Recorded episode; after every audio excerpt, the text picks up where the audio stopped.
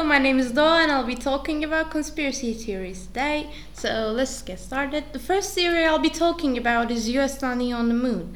Uh, the US landed on the moon in 1969 and everybody thought that it was a really good thing that they did. Well, I don't believe that they actually did land on the moon. Well, why do I think that? Because there are no stars on the sky, first of all. If there if they really filmed on the moon, the sky should have been filled with stars, well there's not even a single one. And also the surface looks a lot like the sands of Nevada desert and the moon's surface doesn't look like that. And for the last one, the flag moves for a few seconds even though nothing or nobody touched it. Can't it move? It can't because there's no atmosphere on the moons, which means there's no wind. Armstrong said one step for a man, a giant leap for humankind, but we all know that it's just a leap to win the space race towards Russia now.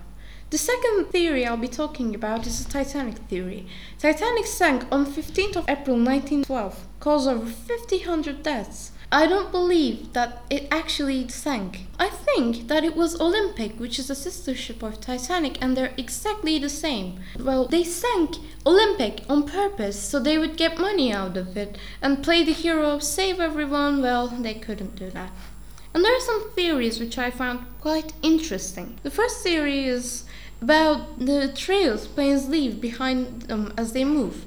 Some people believe that they, those trails are actually chemicals that scientists or the government leave behind to poison some people. I have no idea why, so you can pick your own reason for this one. And there's another theory that says the earth is actually hollow, with an advanced civilization living in it.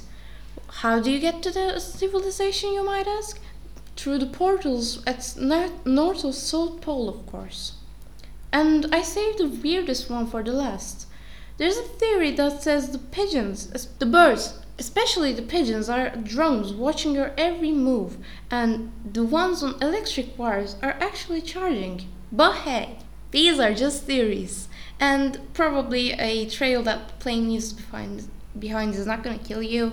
A pigeon is not probably watching you. Thank you for listening to.